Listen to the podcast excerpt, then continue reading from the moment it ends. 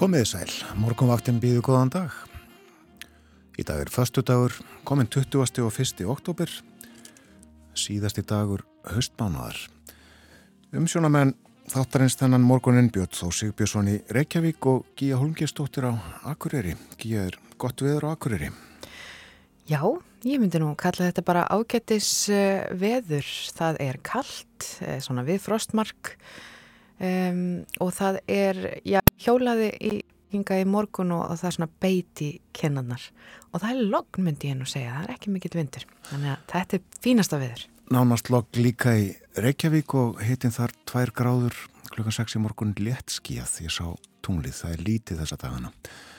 En tvekjast ég að frosta á Kvanneri Hægur vindur, hægur vindur uh, um nánast alland, fjörastega hitti í stikkisólmi, skýja þar, tvær gráður á Patrísfyrði, þrjár í Pólungavík, nýju metrar á sekundu þar norðaustanátt, þryggjastega hitti á Holmavík en þryggjastega frost á Blönduósi, tveggjastega hitti á Söðunisvita og einn formlega ofinbera viðulýsing fyrir Akureyri frá því 6 í morgun einstirs frost, logg og skíjað. Og eins viður á Húsavík, einstirs frost þar og logg. Híti við frostmark á Rauvarhöfn, 1 metri á sekundu þar.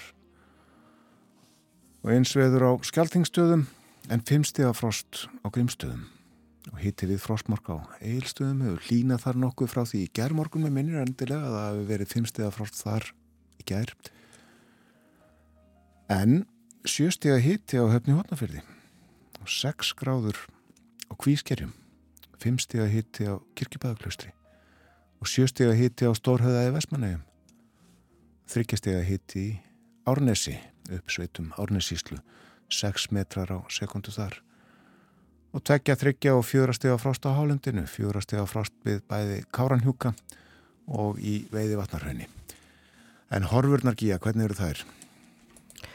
Horfurnar eru þær að það er norðaustleg eða breytileg átt víða hæg í dag og nú les ég hér upp úr huglegingu viðfræðings. Það eru stöku skúrir eða jél við norð, norðurströndina og sumstar dáli til væta austan og suðaustanlands en bjart viðri á suðvestur og vesturlandi. Hiti 0 til 7 stig og mildast siðst. Og ef við kíkjum aðeins á morgundaginn, það er áfram hægur vindur á morgun á lögadag, fyrsta vetradag. Rykning á köplum sunnan og suðvestalands setnipartin og um kvöldið en þurfti í öðrum landslutum og sveipað hitastig áfram. Svon eru horfurnar. Ímislegt á dagskrá morgunvaktarinnar í dag. Við ætlum að fjalla svolítið um uh, veturinn til efni að vetrar komu fyrst í vetradagur á morgun, já.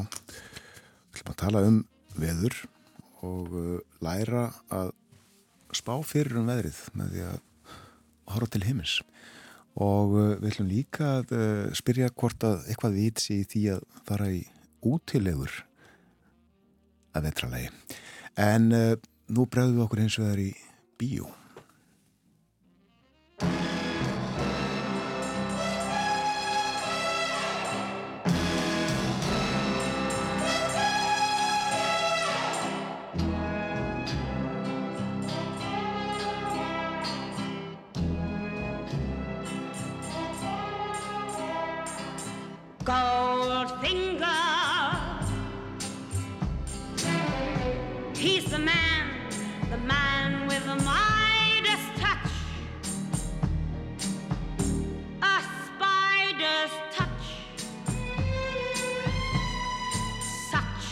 a cold finger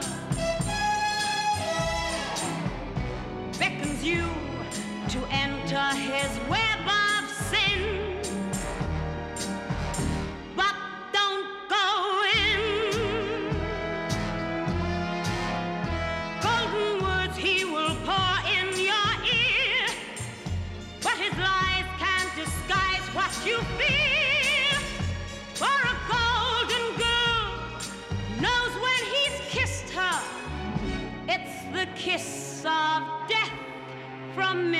Gold. Sing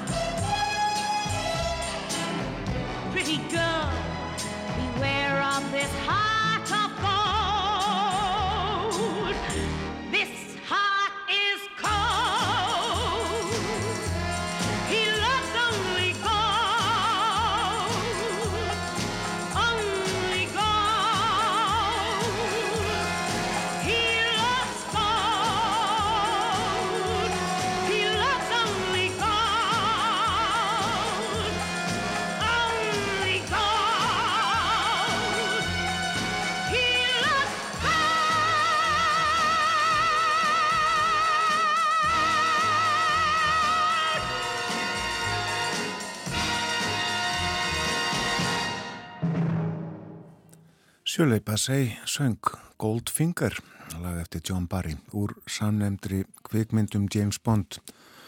Shirley Bassey er frá Wales, fættist í Cardiff 1937, fór snemma að syngja 16 ára og er enn að, 84 ára. En það líður að fréttum hjá okkur, fáum, það er frá fréttastofu útarsins á slæðinu sjö, fáum okkur aðeins meira kaffi og uh, hefjum okkur svo til flugs.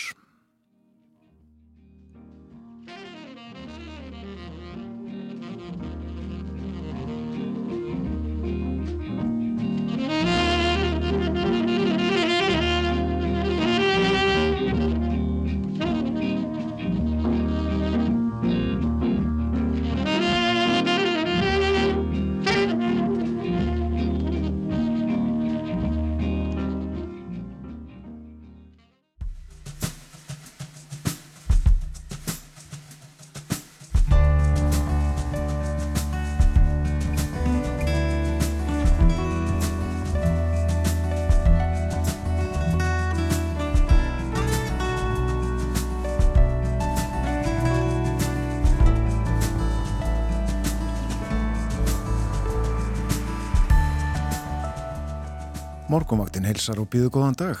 Í dag er festudagur 20. og 1. oktober. Eftir áralanga baráttu út í samfélaginu fyrir bættum kjörum lífyristega og gegn fátækt ákvað Guðmundur Ingi Kristinsson að freysta þess að komast á þing og komast hann í aðstöðu til að hafa bein áhrif á mál. Og nú hefur Guðmundur Ingi setið á þingi fyrir flokk fólksins í fimm ár og tala þar máli þeirra sem að standa höllum fæti í samfélaginu. Guðmundur Ingi verður gestur okkar klukkan halv átta við spjöllum um þingið og stjórnmálinn og lífið og tiluruna. Og svo er það vetrarkoman, Gíja. Já, á morgun þá hvaðjum við nú sömarið, ja, höstið og fögnum vetrinum þegar að fyrsti vetradagur gengur í garð og þá hefst gór mánuður, því næst kemur ílir, svo mörsugur, þorri og góa og að lokum einn mánuður. Þetta eru vetrarmánuðurnir samkvæmt gamla norræna tímatalinu þegar ástíðunar voru aðeins tvær, vetur og sömar. Og fyrir á tímum, og jafnvel enn í dag, þá rínir fólki aðstæður í svo kallum merki dögum, líkt og fyrsta vetradag, og spáir þannig fyrir um komandi veðurfar. Við rifjum upp allþýðuleg veðurfræði og sláum á þráðin til þjóðfræðingsins Eiríks Valdimarssonar að Holmavík en Eiríkur er sérlegur áhuga maður um veður að fornu og nýju. Og við höldum okkur á vetralegum nótum. Nú þegar að kólnar í veðri þá ganga mörg okkar frá útivistadótinu upp í hillu. Við kúrum okkur kannski undir teppi með kakobotla í hönd og býðum bara eftir að byrti á nýj. En svo eru það þau sem láta kuldan ekkert stoppa sig og stunda útivist allan ársins ring. En uh, hvað þarf svo að hafa í huga ef maður ætla nú að fara að byrja eða stundar útivist að vetri til? Við ræðum það við leysauðmennina Valgerði Húnbúadóttur og Rögnu Láru Ellersdóttur en þær verða gestur okkar upp úr klokkan hálf nýju. Umsjónamenn morgunvaktarinnar eru Gíja Holmgersdóttir og Björn Þór Sigbjörnsson.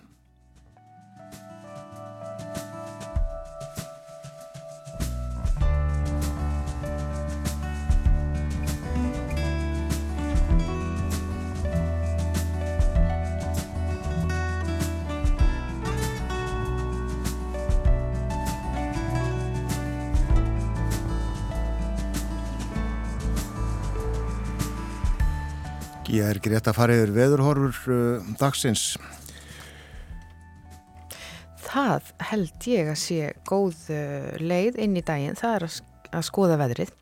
En veðurhorfur á landinu, það er norðaustan 3-8 metrar á sekundi en 8-13 við söðuströndina og vestfjörðum fram eftir degi.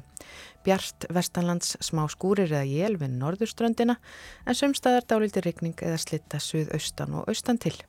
Hæg breytileg átt í kvöld, heiti 0 til 7 stig að deginum, mildast siðst en allvíða næturfrost. Og á morgun þá er hæg suðuleg eða breytileg átt dáli til væta sunnan til en einnig vestast annarkvöld en annars víða skíjað og þurft, heiti breytist lítið. Og við skulum opna hér vegagerðarinnar og aðtuga með færð á vegum. Og þess má geta þetta, það er komin nýr vefur, uh, þar sem aðtuga má um ferðavegum. Það heitir umferðin.is. Hann var tekinni notkunni gær og er greinilega í þróun.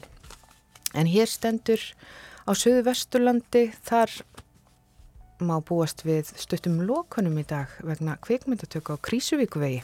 Vegfærandur eru beðnir um að sína tilitsemi. Á vesturlandi eru hálkublettir á Holtaverðuheiði, Bröttubrökku og Lags, Lagsárdalsheiði. Á vestfjörðum eru hálkublettir víða á fjallvegum. Á norðurlandi er hálka á Siglufjörðavegi og hálkublettir víða. Á norðausturlandi er snjóþekja á kinninni og mývatsvegi, hálka er á möðrudalsörafum, tjörnessi, aðaldalsvegi og dettifossvegi. Hálkublettir eru víða og ófært á helliseiði eistri. Á austurlandi eru hálkublettir á mjófjörðarheiði og þetta er það helsta sem að kemur frá vegagerni, það þarf að aðtuga. Það eru hálkublettir víða um land. Já, en aðeins að uh, veðurspáni sem þú fóst með áðan, uh, þetta var spáin frá veðurstofu Íslands ekki satt, þú notaður ekki þessar aðferði sem að Eiríkur og Hólmavík kann og segir okkur frá eftir. Jú, jú, nei, ég notaði hérna, þetta var frá veðurstofu Íslands, þetta var hinn formlega veðurspá. Ég var ekki hér að rína át um gluggan, þó með þykir þannig skemmtilegt. Mér heyrðist það.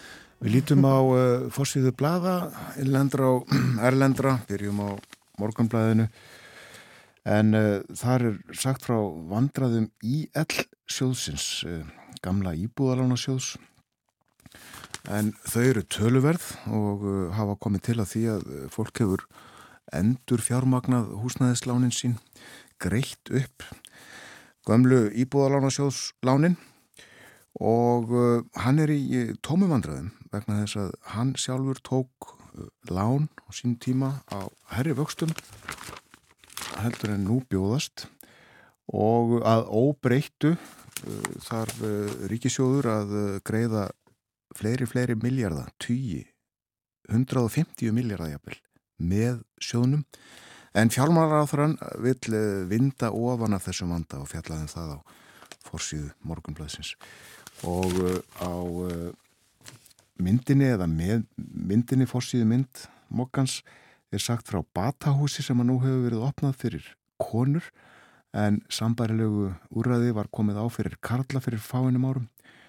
Tolli Mortens, myndlistamæður, uh, hefur verið einn aðalmaðurinn í þessu ásamt með Agnari Braga sinni og uh, úrraði fyrir konur sem sé tekið í gagnið í gær og þá má sjá þá á fórsíðu myndinni þá Tolla og Agnar og með þeim eru Guðmundur Ingi Guðbrandsson, félagsmálaráð þeirra og Guðrún Ebba Ólafsdóttir. Nú svo er það frettablaðið en uh, þar er uh, fjallaðum uh, mál sér að Jóns Helga Þórarinssonar sem að hefur verið í leifi frá störfum í tæpa 11 mánuði eftir ásökun um kynferðisbrott og hann er enn í leifi en kona sem að sakaði hann um brott sem að átti sér stað 2011 hún fór með málsitt eh, fyrir tiltekna nefnd innan þjóðkirkuna sérstags óháðs teimis en uh, bað svo um að uh, hættir þið að fjallaði um málið. Og uh, rætt stutlega við Jón Helga hér sem að hefur verið bóðin starfslokk af hálfu biskupstofu og hann segir þennan starfsloka samning ekki hafa komið til vegna ásakana konar en það er hluti af málunu þegar maður lendur í svona hakkavél og rángindum. En eins og ég segi, segir hann það er reynd borð hjá mér í þessu máli, það er niðurstaða þess. En uh, Á fórstíðu frettablasins er fimmdólka mynd, á henni má sjá Liz Truss, fósættisráþur af Breitland sem í gær tilkynnti um afsögn sína, myndin tekinn við það tækifæri, stendur þarna við púlt fyrir framann, dyrnar á Dáningsstræti 10, en uh, hún verður í ennbætti einhverju daga til viðbótar eða þar til að nýr leiðtogi íhaldsflokksins finnst og fjallaðu þetta ítalega um þetta í bæði frettablaðinu og morgunblaðinu. Allsherjar sneipu fyrr liströss lokið er fyrirsögn á umfjöllun Brettablasins og uh, Morgunblæði segir martröð í dáningstræti. Og þetta er líklega stóramálið á fórsíðum Breskublaðina í dag. Já, svo sannlega. Uh, það er ekki um neitt annað fjallað en, en, en þetta, já, auðvitað.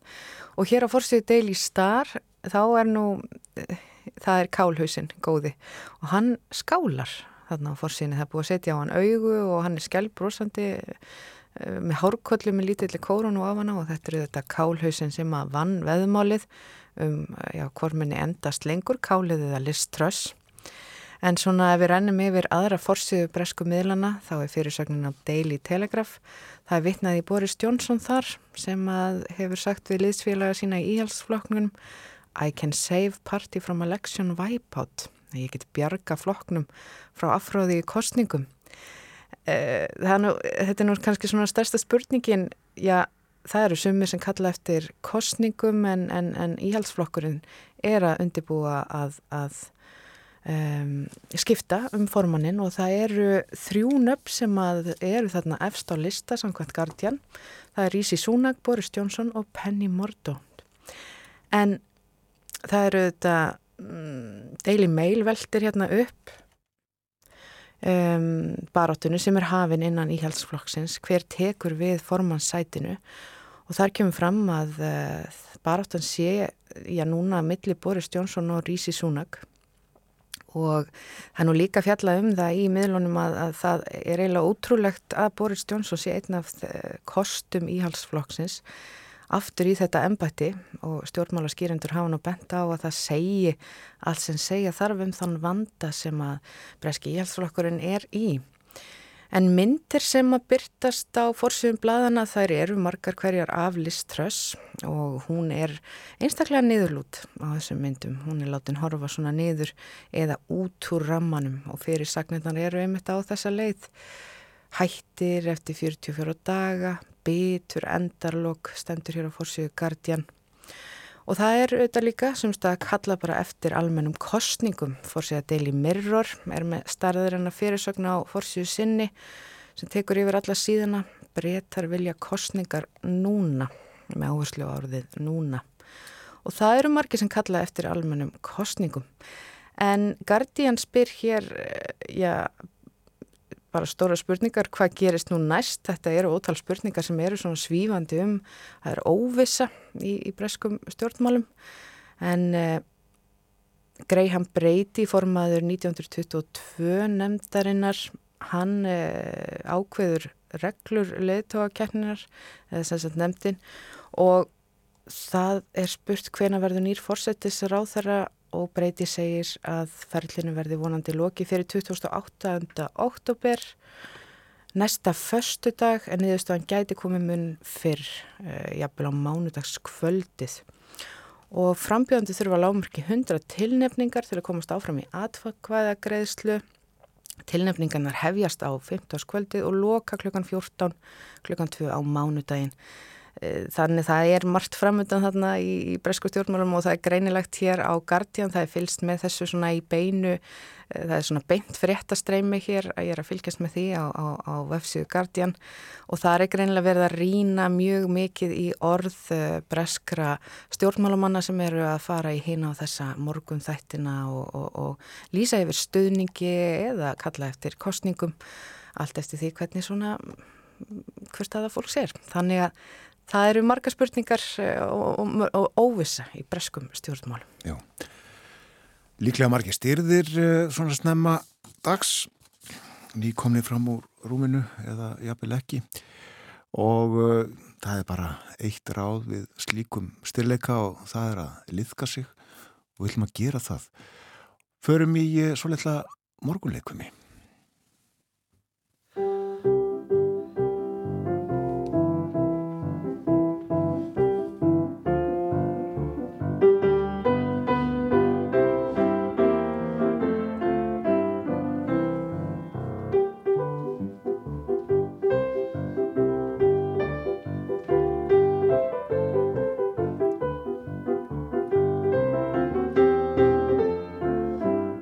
Góðan dag, hún bless og sæl. Það er alveg ljómandi gott að skokka róla eftir þessu.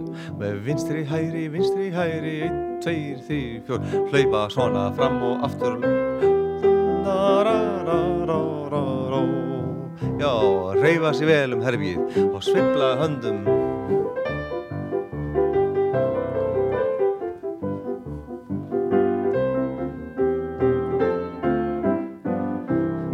Já, aldilis ágætt. Já, já. Við skokka rólega fram öllítið lengur. Já, þetta er svo ljómaði gaman. Og þeir sem ekki geta hlaupið, þeir ganga bara og liðka sér til.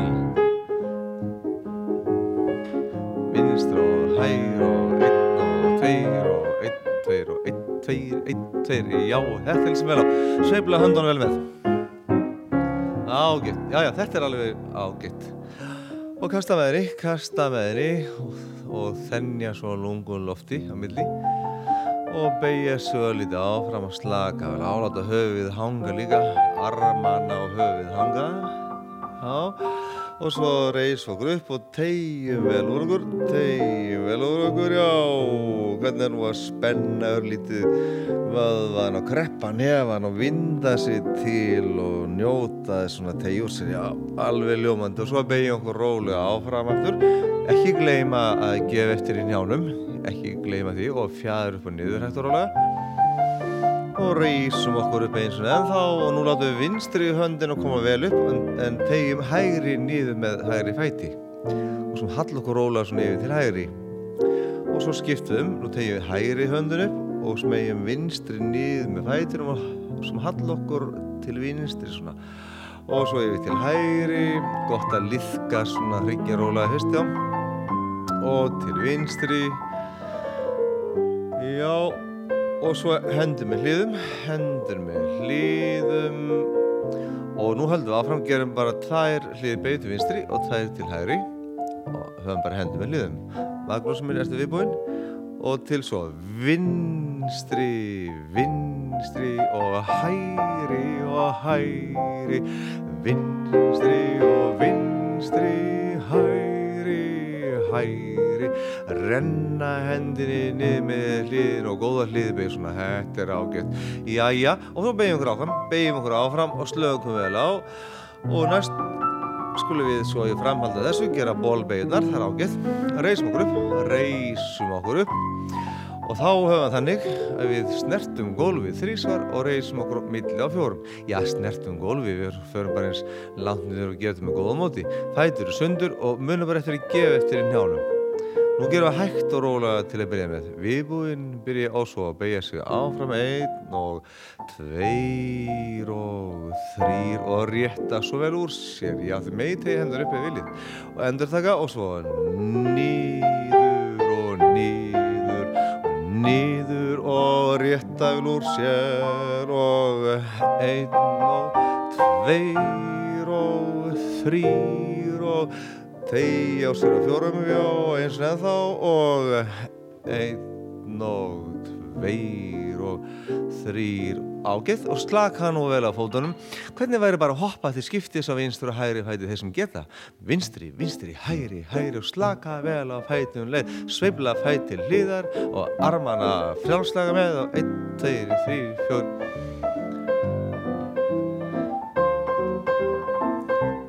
þeir sem ekki geta hoppað þeir bara reyfa sig svona eins og þeir geta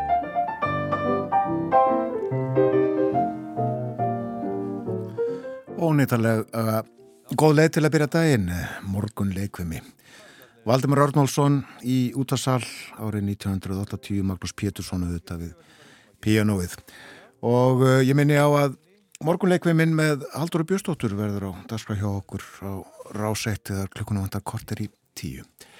En veturinn kemur á morgun þá er fyrsti vetradagur og uh, til er fyrir bara sem heitir vetrartíska. Ég veit nú ekki hvernig vetrartískan er almennt fyrir veturinn komandi en uh, um vetrartískuna 1956 var fjallað í samtíðinni. En þá höfðu helstu tísku höfundar Parísar nýbyrt vetrartísku áform sín Og Díor var þar að venju fremstur í flokkisæði blæðið, línur hans tólkuðu kvenlega mygt, fulla ástúðar.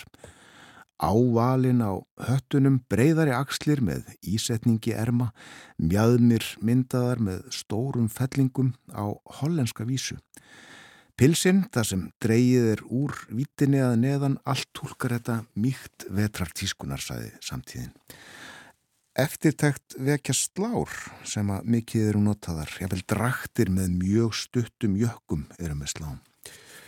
Og dagkjólar eru með prinsessusniði, drapperaðir yfir brjóstið, kjólar eru í tvennulagi, pils og síður efripartur sem er mjög sléttur og fellur löst að. Kjólar eru stuttir, 40 cm frá gólfi og samkvæmiskjólar eru ennstittri. Viðhafnar kvöldkjólar eru oft úr múselíni, mjög íburða litlir að öðru leiti en því að þeim er vafið utanum líkamann á mjög smekklegan hátt. Svona var vetratískan 1956. En eh, 1959, já, það sem að yngum vakti eftirtækt þá var hver hlýlegar og skjólgóðar yfir hafninnar voru tísku frömiðurnir hafa sem sé komist að þeirri niðurstöðu að ekki væri verðt að láta hvern fólkið krokna úr kulda í vetur. Það var nú tímabært. Draktir og kápur eru nú mjög prítar skinni, bæði stórum og smáum, dýrum og ódýrum. Og uh, svo sagði í umfjöllunum vetartískuna 1959 eins og kunnut er stendur aðalstýrin um sítina á kjólum. Og uh, svo sæði yfirleitt þykir kvennfatnaðurinn sem nú hefur komið fram mun kvennlegri en áður hefur verið. Draktarjakkarnir eru hafðir síðari en undanfærin ár, margir hverjir aðskortnir þannig að mittið hefur nú meira að segja en verið hefur. Og aðalittirnir í vetratískunni 1959 voru ólífugrætt, nótu brún og dökk fjólublár og ennfremur ber mikið á köplóttum og yrjóttum efnum, saði fjöllin. Og uh, þá að aðtuga hvernig málstóðu 1961 mest ber á draktarkjólum, dröktum og kápum og má ofta ekki á milli sjá hvað er drakt og hvað er draktarkjól. Mikill sparnaður er líka í slíkum fatnaði þar sem notam á pilsin sér með peysum og blúsum og jakkan með kjólum og pilsum í samsvarandi litbriðum. Jakkarnir eru yfirleitt nokkuð víðir til þess að hefta ekki frjálsar líkamshreyfingar, mjög oft kraga lausir en eh, nú er mjög í tísku að neppa þá út á hlið, oft einungis með einum stórum nappi út við auksl, ermarnar hálfsíðar fremur víðar. Og pilsin eru líka víðar en þau voru í fyrrasaði í umfjöllunum vetratískuna 1961, nýjung og mjög svo í tísku nú eru hálf ringskortnu pilsin, þar sem vittin kemur fram fyrir neðan miðja mjöðum og einniði mikið um fellingar framann eða aftan á pilsum eða einn djúb felling framann á hlið. Pils sem eru eins og vafin utanumann og neft utan á annari hliðinni með einum eða tveim nöppum fyrir neðan mitti eru vinsæl tísku nýjung. Engum vegna þess að pilsi er í raun og veru tvö pils því að það má snúa því við og er þá önnur hliðin venjulega ár köplóttu efni en hinn einlitt í einhverjum sama lit og á köplóttu hliðinni. Þetta var nákvæm útlisting á vetrartískunni 1961 Við nefnum þetta vegna þess að uh, fyrsti vetradagur jú á morgun og meira en veturinn á eftir förum betur yfir það á eftir. En framundan er frettæflitt hjá okkur á morgunvaktinni og eftir það ætlum við að tala um stjórnmál og þingstörfin og lífið og telurunaraunar. Gestur Guðmundur Ingi Kristinsson, þingmaður Flokks Fólksins.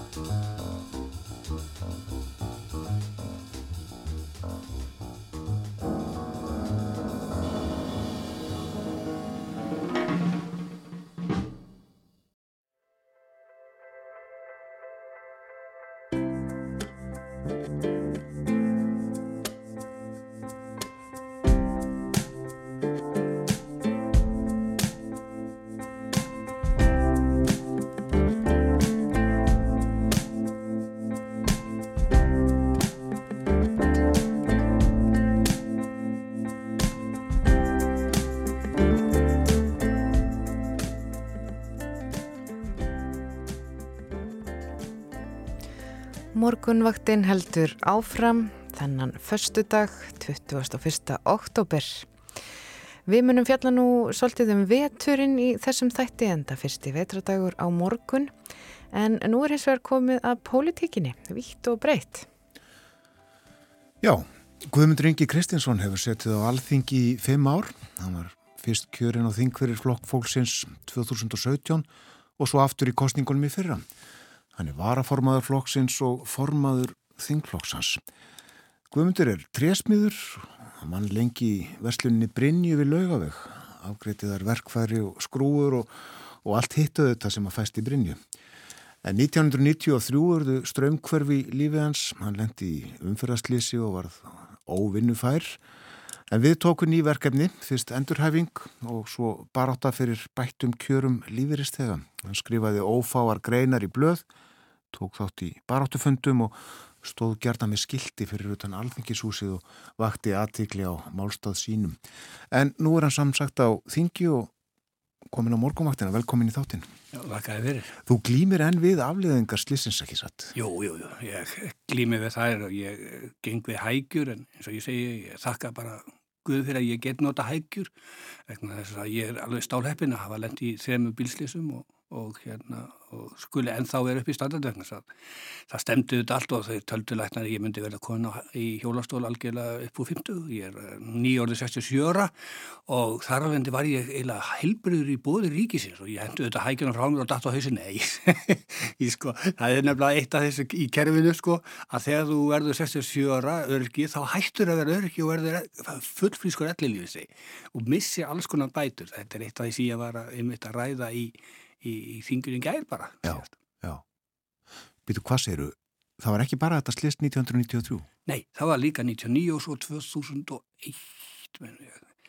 Það, þetta er eftir úslis og hérna og ég var alltaf í 100% rétti og það þetta breytir yngu en, en hverslisið markaði sitt og, og hérna eh, ég er með tvær stálplátur 8 tómusgrúður í hálsi og svo fekk ég játliða mútið mjóbækið þau játluða losnu í setnaslýsinu og, og hérna þurfti að taka þau akkord út og skera þannig að það fóru vöðar í bækinu og annað er ekki í góðu lagi sko en og svo hver einasti lið þó er ónýtur í, í hrygnum ámur og það er að sko spengja sér sjálfur hrygur, það leku beinin og bara festi sér sjálfur Og finnur þau mikið til?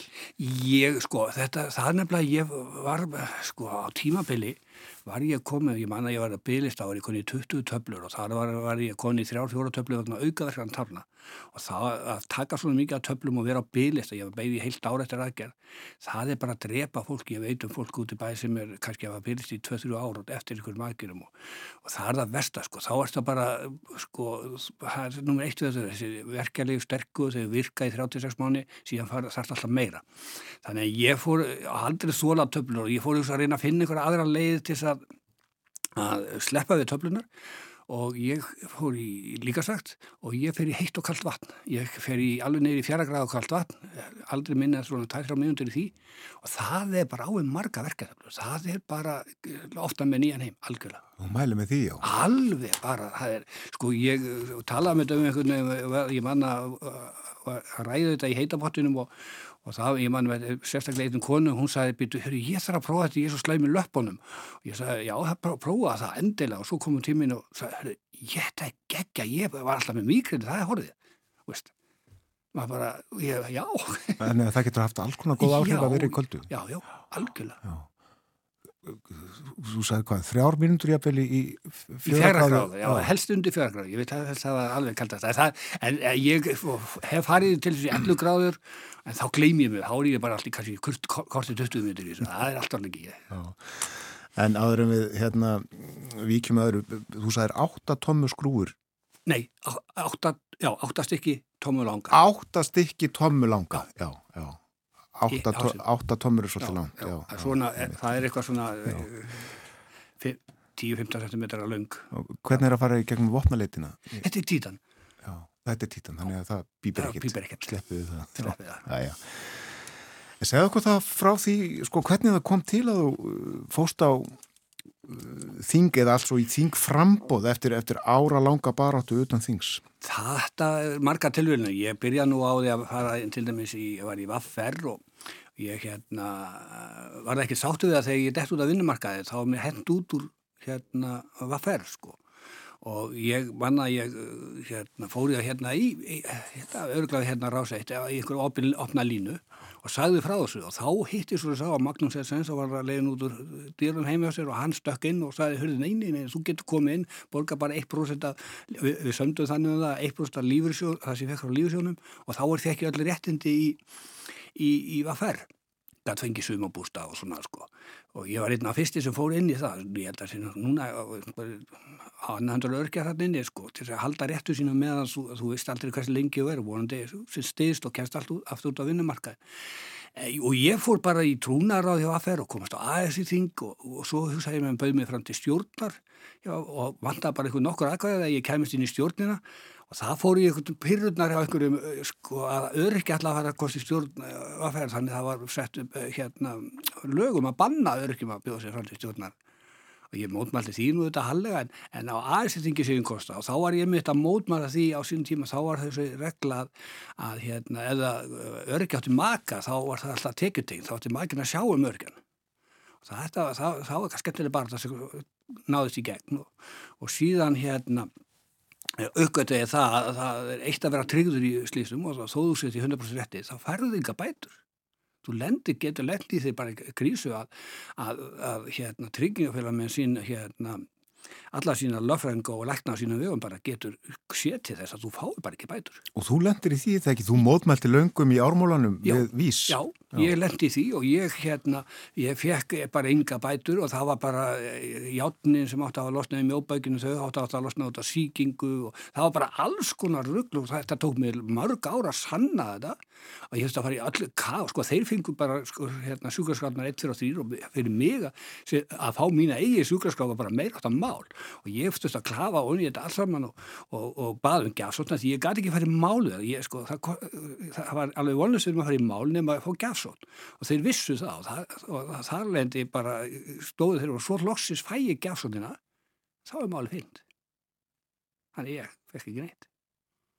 Í þessu hérna, því slísi sem ég taldi að hafa valdið með mesta tjóni sko Þá ákvastu að fara í þingframbóð? Nei, Nei, þá ákvaði bara að mótma þessu og bara Já. gefa mig ekkert og ég bara hérna uh, reynda hérna og, fara, og, og benda á þetta og það hérna og, svo kom bankarhunnið með tilhægandi og ég var hérna búin að byrja að mótmæla þetta fyrir bankarhunnið og svo tók ég bara þátt í því að, að mótmæla kjörum örgja eftir, og þeirri aðstöð sem fólk var í eftir, í bankarhunnið og eftir bankarhunnið Og svo held ég áfram á mótmála en gekkilega á sama tíma í, í, fór í stjórn hérna, sjálfsbergar, ég var, ég var í hérna, sjálfsbergar, ekki, og fór stjórn landsabars sjálfsbergar og þannig fór ég í kærar á öryggjabandarlagsins og sviðan í stjórn öryggjabandarlagsins. Þannig ég komst inn í að fylgjast með hvernig þetta allt var og, og, og viss, vissi hvernig aðstæður uh, þeirra sem vest hafa hérna á landinu er og var að lifa sjálfur inn í, inn í þessu og og hérna bendi líka til dæmis á það var alveg förðuleg eh, að þegar þú færst hérna einhverja styrki sem bílastyrki eða lífastyrki eitthvað þá hérna var hann með þetta sem tekjur og gætt skert alls konar aðra bætur. Ég skildi því ég fekk hérna einhvern bílastyrku á 15 skall og ég skildi því mér fannst ekki standa betur Þannig ég fór að kíkja á hvað verður um þennan styrk og fór að hann var skattar og síðan var hann skertur og svo keðverkaði skertur á leigubætur og, og, og, og sérstaklega leigubætur að ég kosti að það var bara, ég var að tapa þrjúskallið að taka við fymtafskalli og mér hefst þetta stór full, þetta átt að bæta mín kjær, ha, sko, það var betra sem að neyta þessu. Þannig að ég fór að benda þetta og það er bara hristallur hausinu. En síðan kemur hérna þegar ég var að mótmála kemur, uh, hefur samband við mig á Inga Sæland og spyr mér hvort ég vil ekki koma bara og skella mér í frambóð með flokkið fólksins. Ég held náttúrulega, ég held nú ekki ég held náttúrulega ekki neina neina hvað ég að kuppa þetta sér hérna ég var búin að sýta fyrir framann og þetta kvarla ekki að mér sko. Og sagði, nei, það kemur ekki til reyna og svo, það, og svo leið smá tíma og svo kom hann aftur fræðið mig. Og þú verður að koma hérna ég sagði, nei, nei, nei, ekki, kemur, nei, nei, það er ekki bara umræði, sko. Og hún gafs ekki, komið þrjá síðan ég sagði, já, já, ég lest ekki þetta, það er best að bara segja já og nú það kemur þá bara ljós. Þetta, við förum ekki senna einn á það, þetta er miklu meira erfiðara heldur að, að við getum bara eitthvað flóið, þannig. Ég hugsa með, já, já, ég ynga að tapa, bara tekið þátt í slagnum og síðan skellti ég mig þetta og það, við fengum hann eitthvað, í og þannig að ég heldi því sjálfur sér að já, já, ok, það er nú myndi bara einhver líða fjögur ár og þetta er bara einhvað svona sama baráttan en svo kom hann að hvað, eitt ár og hrundir ekki sjónin og við þurfum aftur að skella okkur í, í baráttana og þá bara allt í hennu stuttu við inn, sko, fjögur. Alveg rétt. Hvernig var svo komin á þing? Það var afsúst, það var mjög skrítið að koma hérna inn að gödunni en, en hérna ég verð bara að segja alveg svo er að í, á þinginu þar sem kemur með mörst á óvart hversu auðveldi átti með að gera það sem ég þurfti að gera þarna. Aðstöðun sem að færa og starfsfólki að inni, það er svo frábært. Þetta er, sko, ég segi fyrir mitt leiti að mörgur leiti hendar þessi vinnustæði mér ótrúlega vel vegna þess að, að ég fæ það mikla aðstóð og, og, og, og hérna og það hendar þeirri líkalinu geti ég, þetta er ekkert engin eh, átök eða, eða erfitt og það, það er allt gert fyrir maður þannig sem maður þarf til þess að auðvelda manni lífið sko. Og það er mikil uh, þekkingarna, sérfræði þekking og þú fær mikla aðstofu að skrifa frumvörp og tilugur og hvað það er. Já, já, svo erum við að sjá sko, því við erum núna sko, við, við, þetta var svolítið erfera í byrjun, því þá var maður eiginlega að gera þetta svona mestu í fyrstu, fyrstu ári, árin og Og, en síðan eh, að því við erum orðins þetta stór flokku þá fáum við aðstofna, við erum með frábærn aðstofna sem er hérna löffræðar mentaður og getur eftir það var miklu betra að fyrir okkur að gera hérna frumvarp annað en það eru við með hvað 50-60 frumvarp Já. í þinginu í dag. En hvernig hefur þið gengið að koma málum áfram í gegnum þingið? Það var nefnilega merkilegast að fyrsta máli sem ég fór með í gegnum þingið var einmitt þessi styrki, bílastyrkun og lifastyrkun og það og ég bendi einmitt á þetta undarlega að það fólk verið að tapa á því að fá þetta vegna þess að, að kerfi væri byggt upp sko eins og ég kalla þetta alltaf bútasaumar úrskapni, ég kalla þetta hálfgeil frangistein þetta er sko, þú, þú ert alltaf bæta við einhverju flokkum í, í aðurinnum á þessu sem hefur áhrif á alla hýna flokkar sem er komin á undan. Og það er til og með þessi framfæslu uppbót sem er e, algjör eitur og, og, og skerði strax frá fyrstu krónu. Þannig ég hugsa með mig, ok, núna bara tækja fyrir og skellti þessu inn og bara síndi bara fram á þetta með mannamáli. Hvað, hvaða afleggingar þetta hefði að hafa þetta svona og, og þetta var bara tekið strax uh, hérna af ríkistöndinni og, og hérna og þeir, það var bara breytt yfir í þingsáratölu til ríkistöndunum að breyta þessu. Og, og ég bara samþýtti það hérna í einum, þetta er alltaf semjumál fyrir jólinn, fyrir lokin. Og þetta var bara samþygt og núna er þetta skattlaust. Þannig að það skerðist aldrei, þú far bara þessu uppæð en, þessi, en það er kannski sorglegast að við að það er hversu láð þessu upp að vegna að þetta er orðið hvað það er 6, 7, 8 ár síðan ég fekk þetta. Og þá var þetta held ég 15-16 þúsund, ég held að þetta 18-90 í dag veist, er, og í hækkun bensín og öðru þá er þetta ekki á upp þetta er nefnilega það sem er líka eitt að þessu kerfi þeir, þeir er alltaf að monta sig að því að eins og núna nýjasta dæmið settu 3% til almann tryggja það í vor og alltaf setja 6% núna í máramótin og þeir setja bara beintin í kerfið. Og ég hef alltaf bendað maður að ef þið gerir þetta þá fer þetta á stað þessi hérna, skerðingar og svo keðiverkandi skerðingar vegna svo alla lifir í félagsbótakerfi. Þannig að ákveðin hópar þetta skilast aldrei í vassatæðina þeir tapa. Og þess vegna verður við að stokka þetta kerfi upp. Já, einmitt. En finnst þér ríkja sæmilegu skilningur og áhuga á högum lífuristega meðal stjórnmálamanna? Nei, ég verð bara að segja þess að ég segi, ég hef búin að vera inn í fimm ár og við, við komum inn og bendum á það upphafi og, og erum eiginlega fyrst í flokkurinn sem virkilega bara talar um fátætt og hvern, hana, í almantryggjum og í þjóðfélaginu mm. og þá erum við að tala um að það eru hérna, þúsundu barna í fátætt og staðan er bara óbreytt eða verri vegna þess að, að vandamáli sem ég, ef maður horfi bara á frá 1988 þá var hérna tekinn upp stakkarsla og þá voru ellilífirir og lámaslífirir skattlus og þú áttur 20-30% upp í aðra tekjur og lífustökjur eitthvað annað. Í dag þá ertu bara, eru þessi sami hópur að borga 40, 50, 60 þúsund krónur í skatta sem borga aldrei skatta og átti þarleðandi kannski 20-30 þúsund auðgarlega upp í aðra tekjur. Þannig að skattheimtan er sko að nálgast 100.000 sem er honum herri í dag heldur var fyrir hérna, upp að stakastlega 88 og hversan það það? Og við, þá fór ég og við fengum þessar upprýðna fyrir okkur hérna miða við launavísutölu hvað staðan ætti að vera í dag miða við sömustöðu 1988 og þá værist um 360-70.000 krónum skatt og skerðingarlust dag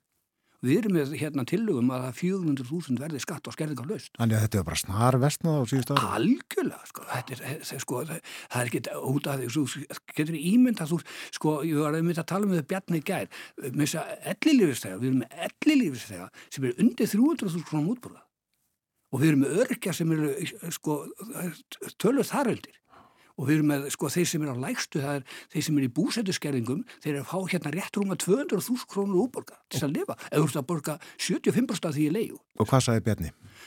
Hann fer í tíundin, hann fer í meðartalið og ég með að ég svo ég segi það segir okkur bara ekki nokkuð skapaða lönd og ég komst í tölu þar sem til dæmis með sambandið við elliborgara að meðal útgreislur í ósetjarríkunum er 8,2% ellilífistega en á Íslandi er það 2% það er bara, bara er fjórfaldum munur það séu okkur mann. Bjarni sem við nöndum áðan fyrir þá sem ekki áttuðu sig á því, eh, Bjarni Bendið svon fjármálar á þeirra. En Guðmundur Ingi, hvernig finnst þér sko pólitíkin og störfin í þinginu virka? Þetta, þetta er voðalega þunglamalega kerfið og það var bara að segjast alveg svo er sko.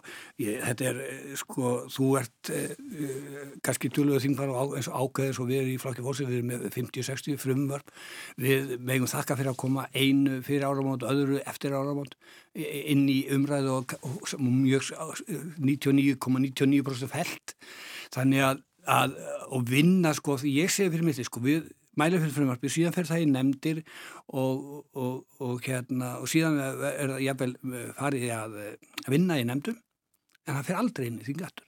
Þannig að þetta er algjör sóun á vinnu. Þess að ég held að við þurfum að breyta þessu. Ég held að máli sé þannig að, að, að, að e, þetta þarf að vera skilvirkara og það sé ekki vera, við erum ekki að vinna. Þú sér að þetta er mál sem ég var að mæla fyrir í gæð sem er mjög einfalt mál. Það er ekki að varðar yngstu örkja sem verður 18 ára kannski örkja og fær hérna aldurstengda uppbútt sem er einhvað 54 krónur í dag. Eða þegar verður 67 ára þá stættur þetta út. Þá hættir hann að vera örkin og sko ég horfði þetta sem ellinni ef einhver ætti að hækka vegna örki sem var slæmur 18 ára hann er orðin ekki betri 67 ára, hann er fyrir eitthvað verri og með jáfnveil meiri liv og kostnaður og annað þannig að hætta að hækka, nei þetta dettur þetta út og það er svona sko, svona fyrðuleg hérna gött í þessu kerfi sem valda því að, að og það, það vitit allir Já. það gerir enginn í því Æ. Hvernig heldur það að standa á því? Þetta er, ég sko, ég var ég skal viðurkeið, ég var svona, hvað ég segja glær og saglus þegar ég kemur hann inn í og ég held að þetta væri bara mistök. Ég segi að ég bara bendið um á þetta, er bara mistök. Það getur yngir ætla að gera hlutina svona. En ég er bara samfærið í dag. Þeir eru búin að byggja upp kerfið. Er að sko fjólflokkurinn hafa byggt upp kerfið enda undan fyrir nára þeir vita nákvæmlega hvernig þetta kerfið virkar. Þeir vita að, að það er orðið svo flókið það er ekki, það er ekki maður sem riknar þetta út þeir vita það nákvæmlega ef það sett inn í endan eins og þeir ætla að gera núna segjum, þeir ætla að setja inn 10% hækkun. Og þeir segja 10% hækkun þeir fáið 30 skall. Þá ætti að taka skatti frá því. En síðan byrja skerðingar. Mm. framfæsluppbótin hérna, sérstakuppbótin e, hérna, heimilsuppbótin þetta byrjast alltaf skerðast. Síðan dugir það ekki. Þá fer það í húsalöfbætunar síðan fer það yfir félagskerðu í sérstakúsalöfbætu og aðra bætus þar. Þannig að einstaklingu sem bara held að maður að fá kannski 20 skall hann er kannski bara að fá 3-4 skall og ég sé, sko, dæmi bara um, um hérna, yfir 100, eins og í mínu sjálfu, yfir 100% skerðingar. Og, og þeir vita nokkla, þess að segja alltaf núna við það þegar þeir eru að sitja inn í kerið og eins og Bjarni sagði þetta og hvert halda allir þessi peningar að hafa farið, hann talaði um sko 100 miljardar sem fætti eldriborgar Jú, eldriborgar stóð fjölkað, þess að það hefur hækkað þeir, þeir hafa sett hællingin í kerfið að þetta fer allt í gegnum, ég kalla þetta gegnumstreymi í gegnum vasa hérna, eldriborg og öryrkja aftur í, í ríkistjón. Þetta er ekki fugulýsing sem þú drefur upp að þessu kerfi Nei, en sem betur fyrir það er verið að endur skoða í fymtaskeiði. ég er búin að vera í þeimur endur skoðunarnefndum, Petur Blöndarnefndin og henni síðustu. Núna er þriða nefndin komin, hún er á störfum og það er eitthvað með að hún skil verður búin að koma frumvarp á næsta ári. Og ég krossa að finna ykkur vonandi tekst okkur núna í sko í fymtu tilvægin að koma þessu á og gera eitthvað. Þetta er okkur til háborna skammar að við skulum vera með svona kerfi sem nýðist á fólki og veiku fólki sem getur ekki varið sig. Þú getur ekki, þú sko, þú, þú lendir bara í gildur bara við að vinna. Þetta er í huga, þegar búið kannski vinn og þú alla getur til þess að gera einhverjum tímabunni vinnu og það, þér er skróla refsa. Ég hef alltaf sagt að aldrei refsa fólki verið að vinna. Það borgar skatta. Hvernig er það? Eh, hafa margir samband við þig, eh, þingmannin, guðmyndinga? Já, já, já, já, já. Ábendingar? Já, já, allt, já, alveg. Og, ég, og bara vel þegið og ég bara, ég tek það og fer eins og bara núna um daginn var síðasta ábending sem virkilega fór með bindinn var eh, einstaklegur í hjólastól sem fekk ekki lifið sín í heila viku og misti málið vegna þessa ég meina þetta auðvitað, sko, þá bara hugsaði mig, hver, hvert er það að stefna? Rétt að þetta kemur aðvörun frá hérna læklafélaginu um lífjaskort hérna batna síðan var aðnaðans undan og síðan kemur aðvörun út af ástandin í, í heilbískernu ég bara, ég þetta er áhugjefni, mikið vegna þess að það er auðvitað einhvað meira lít, með meira lítið að einstaklega hjólastól og börn fá ekki lifið sín. Ekki gott Er, er þingfundur í dag? Nei, eru einhverja nefnd, nefndir í dag. Þarf þú að sittja slíkan fund? Já, ég sett ekki í dag en ég, var, ég var í, alla, búin að vera alla vikun og alveg til sko 8-9 frá morni og alveg upp 8-9 alla þessar síðustu viku sko. Já, já, já. Þú átt að til að uh, hækka aðeins róminni í, í ræðum í þinginu og æsir þið líka á nefndaföndunum? Nei, Það er maður svona óskupróluður það, það er yfirlega dingin æsingur á þessu nefndafundu, það er, það er svona, þar erum við eiginlega á vinnufundi, það er, það er, þá erum við með gesti og er að spyrja þá og reyna átt okkur á hérna málunum og þetta er eh, svaka, sko nefndafundinir leina á sig það, það er svo mikið lesning, það er svo mikið á gögnum Já. og síðan auðvitað að, að, að spyrja og, og hlusta, aðra að hlusta ég til mig, sko, það sem ég eh, fæ yfirleitt mestu upplýsingan er að hlusta á gesti sem koma Já. Finnst þér gefandi að vera alþengismöður?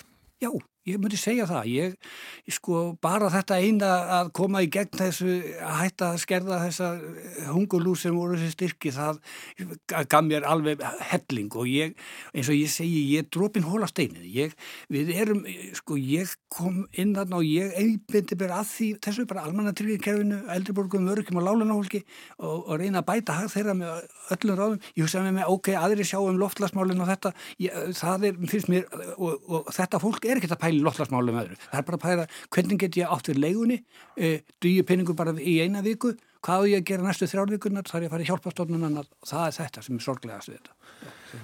Þakka að kella fyrir að koma á morgumvaktina Guðmundur Ingi Kristinsson, þingmaður Flokks Fólksins og gangiði vel í þínu mikilvægu störum. Þakka fyrir.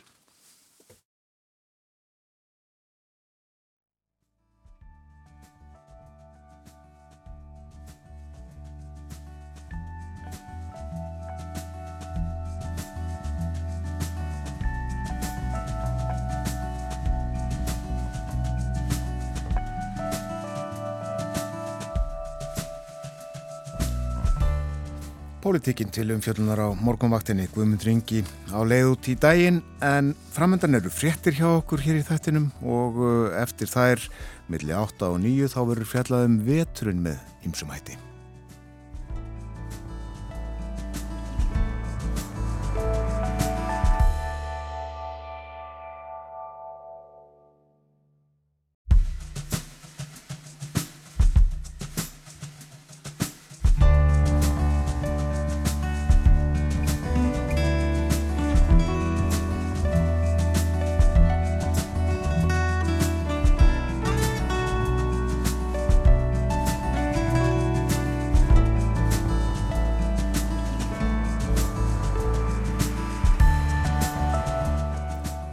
ymsumhætti. aftur þegar það hlusta á morgunvaktina á Rásætt klukkan farin að ganga nýju það er förstu dagur í dag 20. og 1. oktober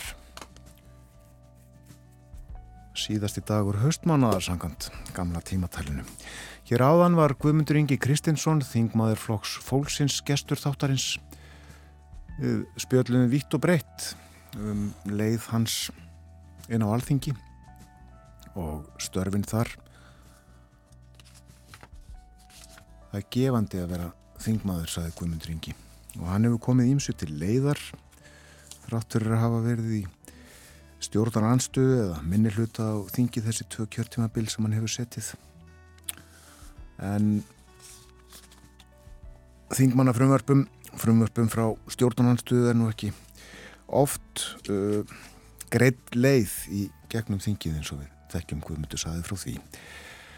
En uh, veðurhorfurnar eru bara alveg henni ljómandi, Bjarni Pétur fór yfir þær undir lok fréttatímas hér áðan. Og þetta hafa nú verið einstaklega góði dagar núna þessir síðustu. Og uh, ég verða það bara vonandi áfram. En uh, við ætlum að tala svolítið um veðri næstu mínutur Gíða Já, en það er síðasti vetradagur á morgun. Við hvaðjum haustið formlega og fögnum vetrinum og þá hefst gór mánuður samkvæmt gamla tímatalinu. Þínast kemur ílir, svo mörsugur, þorri og góa og að lokum einn mánuður. Þetta eru þessir sex vetrarmánuðir samkvæmt gamla norræna tímatalinu þegar ástíðarnar voru aðeins tvær. Það var vetur og sumar. Og svo er það að rína í veðrið og það var á svona svokvöldum merkidögum líkt og fyrsta vetradag sem að fólk uh, rýndi sérstaklega í veðrið og spáði þannig fyrir um komandi veðurfar og við erum komið með sérfræðing í þessum málum á línuna. Það er þjóðfræðingurinn Eiríkur Valdimarsson sem er uh, búsettur á Hólmavík og hefur mikið rannsakað veðrið. Kontur sæl Eiríkur? Góðan daginn. Uh, þá er nú bara fyrsta spurning viðegandi. Hvernig er veðrið hjá þér? Það er þetta bara dásamlega veður. Ég reyndar á einn hérna, tveggjára, tefnað þryggjára gamlan svon sem er orðin ansið þreyttur öllu sem myrkri því hann, hann, hann spyr um sólinn okkur um einasta morgni og það verður nú alltaf minna minna af henni þannig að það er svona, það verður svolítið langt að býða fyrir hann eftir blessaður sólinni en, en veðrið er alveg dásamlega. Það er snjólaust og kyrst og svona, svona hæfilega kallt, ekki ofkallt sko. Já. Og þú horfir þarna út um uh, gluggan, uh, ert ekki að horfa þarna út í Holmavík? Þú ert þar staðsettur? Jú, jú, jú, ég er staðsettur í Holmavík og hér eru Stengriðsfjörð sem er svona kyrr og fallegur fjörður sem við horfum oft, oft til sko og, og hérna umhverju hérna er aflega dásanlegt og, og ég veit ekki, ég held að morgunróðarni séu hverki fallegur en hérna þó ég sé reynda skagföringur og þetta er svona svík við skagförin en samt, ég verði að segja það, hann er fallegri hérna sko. Eru hólmvikingar almennt kominir á stjá? Já, ég sá hérna nokkra, svona, nokkra með stýrurnar svona hangandi nýru raugunum á leiðinu til vinnu sko. Jú, jú, fólk fyrst nefn á stjá, fólk, fólk tekur maður, maður hefur stundu verið á ferli hérna svona kannski, þurft að fara í bæin kannski klukkan sjö og þá sér maður einn og einn hérna út í klukka að taka veðriðið mitt standa, standa svona út í glugga og er að fylgjast með hvernig dagurum verður sko. Ég held að þetta sé, ég veit ekki hvort það sé algengara hér en annars það sko en það er margir eftir sem að gera þetta bara svona, já, reyna svolítið að átta sig á veðrinu sjálfur út frá sinu eigin, eigin þekkingu sko. Já, láti ekki spárna frá veðustofinni duga. Sko ekki bara, ekki duga endanlega sko. Það eru góðar og það er náttúrulega bara staðrind og það hefur bara bjargað mannslífum held ég en það er svona ennþá hópur af fólki viðsverulandi sem hefur þetta enda á bakvið eira þess að gömlu þekkingu að geta svona já, rýnda þessi í náttúrunna og rýnt svona í svona eigin staðhætti þess að þeir virka nú oft bara alveg ágætlega hvernig skíafarið er í þessum fjöllum og hvernig sjólægið er og svona og ónáttúrulega vindáttir það er tíðan átt að geta sama hvað sem er sko Nei, akkurat. En á morgun þá er fyrsti vetradagur og, og ég talaði nú hérna um í byrjun þessa merki daga, þessi, þessi dagar það sem að fólk svona rýndir sérstaklega í veðri til þess að, að nota sem eitthvað skonar já, spálíkan fyrir komandi tíð. Eh, hvaða, hvaða þekkingu, eða hverju hefum að leita eftir núna fyrsta vetradegi á morgun? Sko núna er þessar og í dag og í gæri svo kallar veturnætur sem eru henni leifar af einhvers konar gamalli hátíð sem var haldinn svona engum og sérlega í heðni á þessum tíma. Þegar nú erum við, eins og segi, nú erum við mjög merkilegum degi að morgun þessi fyrsti vetradagur. Við erum svona mörgum rauninni tveggja, mörgum vetrar og, og, og sömars og það er eiginlega það sem er svo merkilegt í svolítið þjóttrunni. Þegar við mætumst á svona dögum eins og einmitt fyrsti vetradagur, fyrsti sömardagur, uh, sömarsólstuður og vetrarsólstuður þegar, þegar svona já, þegar ákveðinu hlutir í náttúrunni eru að breytast og umkörfast, þá eru oft svona í þjóttrunni alls konar þekking og, og fyrirbæri sem fólk þarf að fylgjast með sko. það, er, það er engin tilvíðun að, að, hérna, að allra heilara messa eða Halloween bara núna rétt handaðu hodnið það er unni gömur háti sem tengist þessu þessum, þessum hérna, þegar vetur og sumar mætist sko. og, hérna, og þá ímyndilegt að stjá og þá er mitt, þá þykir mjög markvert að fylgjast með ákveðum hlutum í náttúrunni. Svona um þetta leiti í gamla daga þá var fólk uh, hafði fólk aldrei fylgst með unni haustinu fram að veturnóttum. Hvernig, hvernig snjór var hversu mikið af snjó kom til dæmis í september og oktober þá setti fólk aldrei niður fótinn á þessum degi fyrsta vetrardegi og leið tilbaka ef það hefðu komið kannski bara dáltil snjókablar í september og jafnver oktober þá þótti það vera fyrir góðu. Það voru svo kallega vetrar og haust kálvar sem var kallað og, og það var svona eins og hvað maður segja, það var eins og ef ef náttúrun var búin að auðsat aldrei úr snjóberðum sínum á þessum tíma þá mátti bara búast við að það væri ekkit rosalega mikið eftir eða allavega minna eftir þannig að svona, já, á þessum tíma var fólk aldrei að horfa tilbaka hvernig hausti hafði eiginlega verið áður en veturinn náttúrulega bara kom sko með því sem hann því sem honu fylgdi sko. Mm -hmm. og, þetta er svolítið merkilegt sko og ég er mitt, var svona aðeins að reyf nú kannski fyrir allir að hugsa tilbaka sko hvernig hausti er búið að vera. Það er búið að vera eitthvað svona vindar og, svolítið skellir sko en það hefur náttúrulega komið mjög ekki snjór sko en þá allavega ekki hjá okkur hér á, á ströndum sko þannig að ég, ég ætla ekki að fara að spá ykkur um harðindum sko en einhver tíman hefði ykkur sagt að það væri þá eitthvað í vændum sko. Ef við getum bara spá hvítum jólum já, jú, ég ætla að segja það. Þetta er mitt fræðilega mat. Þitt fræðilega mat.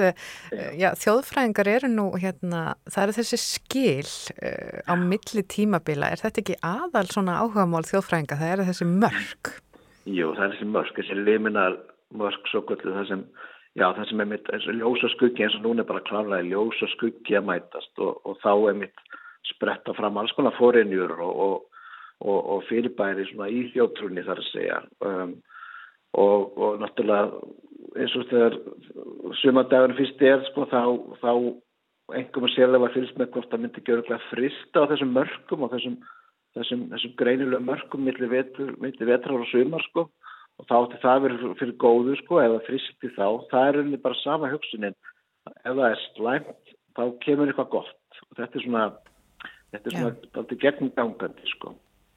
Og svo náttúrulega, eins og segir, sumar og, sumar og vettur og svo náttúrulega bara þessi þegar, þegar er hvað myrkast í kringum jólinn, þar er aftur einmitt svona mikill liminal tími sem að, sem að þjófrængar hafa afskaplega mikið gaman að hafa skoða og, og rannsaka.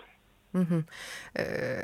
Eirikur, þú ert með hóp á Facebook sem að heitir Alþýðulegar veðurspár.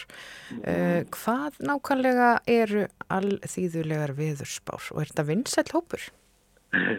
Já, vinsæl, já, allavega þeim sem eru í þessum hóp er mjög vinsæl, sko, en, en þetta sem sagt rauninni, ég gerði bara masters rásótt fyrir, wow, 12 árum síðan, held ég upp á dag með þessi, hérna skilaðin inn Það sem ég rauninni rannsakaði þetta efni, gamlar íslenska veðurspár, uh, bara hvernig fólk er mitt þetta, hvernig fólk gáði til veðurs í Kanada, uh, hvaða notaði, hvaða aðferðir uh, og svo framvegis. Og svona í kjölfarið þá fekk ég bara mjög mikið, miklu aðdegli því að fólk svona, fólk man eftir ímsu úr sínu, sínu uppbyrdi og, og sínu nærumhverfi og jafnvel aðeina sem ennþá brúkast líka veðurspár og svona að endingu þá svona, ég er búin að vera leiðin í, doldið okkur tíma að koma sér saman kannski á bók sko, að það væri búin gaman að reyna safnessu og gera þetta svolítið aðgengilegt því að þetta er svona þekking sem að ádaldið að mér finnst erindi til almennings. Og inn, þessum, inn í þessum hópi á Facebook er fólk sem sett ég kem oft með einhvern innlegg til dæmis um daginn þá hérna, snýr ég tók ég til því í gardinu mínu snýri sífan mín öfugt þannig að tindarnir snýru upp. Þannig ég tók myndað þessu settin á hópin og þá náttúrulega kom beljós þetta náttúrulega bara þetta bara öskra á regningu samkvæmt þjóttrúni og það er mjög margi sem að voru bara sammálu um það og það var mjög mikil umræðu um það hvað þetta hefði nú verið óvarlegt hjá mér og, og hérna og raunni hvað þetta er hvað þetta er þekkt sko þannig að það eru svona hluti sem að, sem að er doldið til umtalsafna og, og svo náttúrulega bara já að rýna doldið í náttúruna og, og fylgjast bara með veðrinu og umhverfinu sem er náttúrulega eitthvað sem við bara þurfum doldið að gera finnst mér og er doldið kannski að tapa. Tók að regna þegar tindarnir snýru upp? Ég þetta var náttúrulega í regningu sko, þannig að það var, það var, og mér var náttúrulega kent um þá regningu auðljóslega og tók það bara á mig sko, þetta var bara mín regning. Já. Þannig að það var, já, greinilegt að þetta, þetta virkaði sko, en ennþá greinilega hvað þetta var algengt og og svona eldra fólk eða fólk sem komið kannski létt eftir skeiðinu kannast mjög vel við þetta og þetta sagt, þegar það fólk var, var yngra eða voru, voru krakkar sko þá var þetta bara þá var þetta ekki eitthvað svona eitthvað hjátur þetta var bara já þetta var bara stór varðsamt að skilja hrífurnir eftir svona sko þannig að þetta er þetta var svolítið áhugavert Hefur ungt fólk í dag jafnmikið áhuga á verinu og papp og mamma höfðu og afi og amma? Mm. Nei, það gerir það nú ekki, en ég hugsa samt að pappi og mamma og amma og afi hafi ekkert haft rosalega mikil áhuga á veðrinu þegar það var út, sko. Ég held að það komið aðeins með aldrinum, en, en svona, ég held náttúrulega að út fólk í dag kannski þarf kannski ekki rosalega mikil á því að halda að vera að rína mikið í veðri því að lífsmunstrið er náttúrulega þannig að við erum bara alltaf mikið vel bólstrið allan daginn, hvort sem það er að setja inn í bíli eða eða inn í húsi eða bara eigum góðar úrpur og flíkur. Að hérna, ég held að þessi er svona málið að við erum ekki eins tengt eh, veðrinu í okkar daglega amstri. Og þar með höfum við svona tapað þessari já, þessari þekkingu að, að skilja þetta sjálf og, og svo náttúrulega erum við bara með mjög, mjög flotta vísindastofnanir og heimasýður og upp sem að segja okkur bara nákvæmlega hvernig við eigum að hafa okkur sko Þannig að við bara höfum, um, út fólk hefur bara um eitthvað annað að hugsa, hugsa ég og eigið orkun í annað, sko. Mm -hmm. En, en einhvað síður, sko, þetta er svona þekking sem að, sko, mér finnst þetta svo dýrmætt fyrir rauninni náttúru og landslag.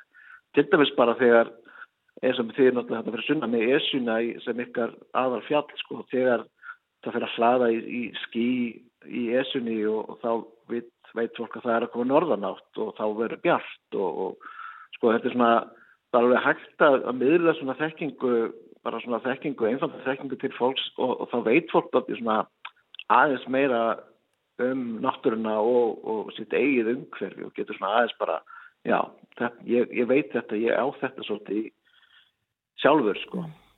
En er, er verið markvist að sapna þessum upplýsingum? Uh, því að þetta gæti nú alveg eh, sko, já, horfið með þeim kynnslóðum sem eru vanari að rýna í veðrið. Er þjóðfræðingar og aðri fræðimenn að sapna nákvæmlega svona staðbundnum upplýsingum? Um, ekki svona sem stendur sko. Ég tók alveg þetta rassíu hérna, já, fyrir rúma tíu árum þá, þá sendi, var ég samstarfið þjóðmennarsafni og sendi út spurningalista til fólks til að baða fólk um að raunin einmitt að skrifa niður þessa staðbund þekkingu og reyna varvita hana sem best. Það kom svolítið út í því, svo tók ég þetta aldrei að viðtölum og, og, og þá kom ymmislegt í ljós sem að hefur þá aldrei verið skrifað áður eða, eða varveist áður en það vantar svolítið einmitt að, að sapna sig því að þetta er, þetta er eins og segir, þetta er að tapast mjög, mjög hratt. Uh, kannski eðlilega, þetta er svona bara þekking sem að, sem að kannski svona í daglu afstrið fólk fara ekki mikið á að halda en mér finnst bara svo dýrmætt fyrir landslag það er svo mikið, mhm. -huh. það gerir kannski einmitt fjöll, miklu dýrmætt er að vita kannski eitthvað staðblutna veðurþekkingu að, yeah. að skýja far þetta því þetta er ekki hitt þetta er svona, þetta bætir aldrei við já, landslæði sko Já, Eiríkur, bara svona rétt í lokin áttu eitthvað uppáhalds að veður orð veður lýsingar orð e, Já, já, eða þú veist, mér finnst gluggaveður mér finnst það alltaf svolítið sætt. Þetta er svona, það segir svo mikið samt ekki neitt sko og segir bara mest hvar þú ert. Þú ert bara inn í hlíjunni greinilega sko og ert að hugsa um að fara út en, en já, glugga viður það svona er, er þetta gott orð. Og Já. mér finnst gaman hvað börn kunna þetta vel. Börn hafa einhvern veginn lært þetta. Allir fóröldar sitt til að kenna börnum ég Já, veit glugga ekki, það viður. er allavega Það getur verið. já, En Eiríkur Valdimarsson á Hólmavík, takk fyrir að spjalla við okkur um veðrið og, og gangið vel í dag. takk fyrir sumreis Nú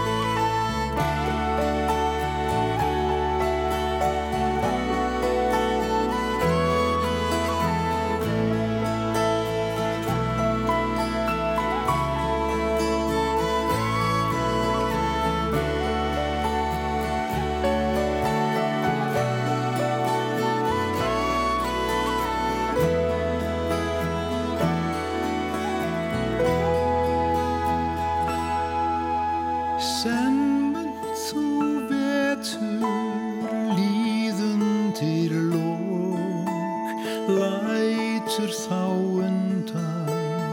Kalsi og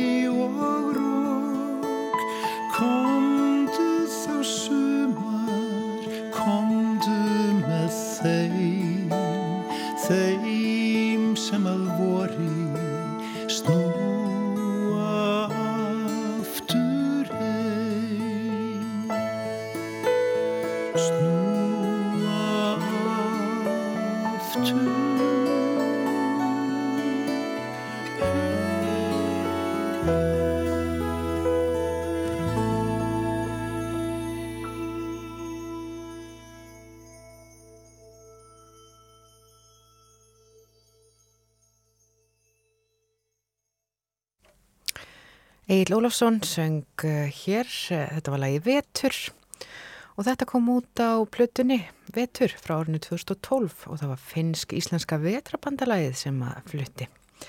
En það líður að frétta yfirliti og svo ætlum við að fjalla þessum um vetrar útivist.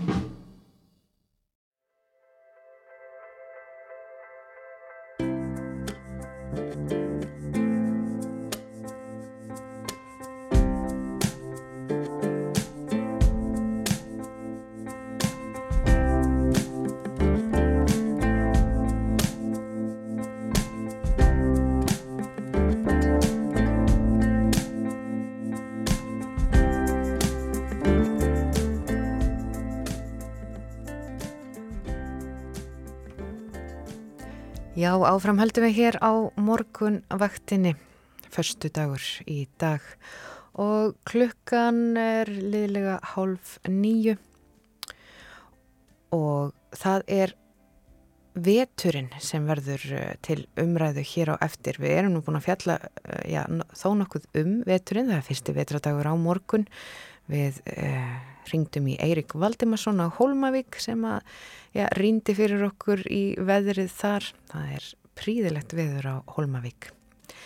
En hér á vef vegagerðarinnar kemur fram að það er hálka víða um norðausturlandið og hálku blettir víða á norðurlandi og á vestfjörðum.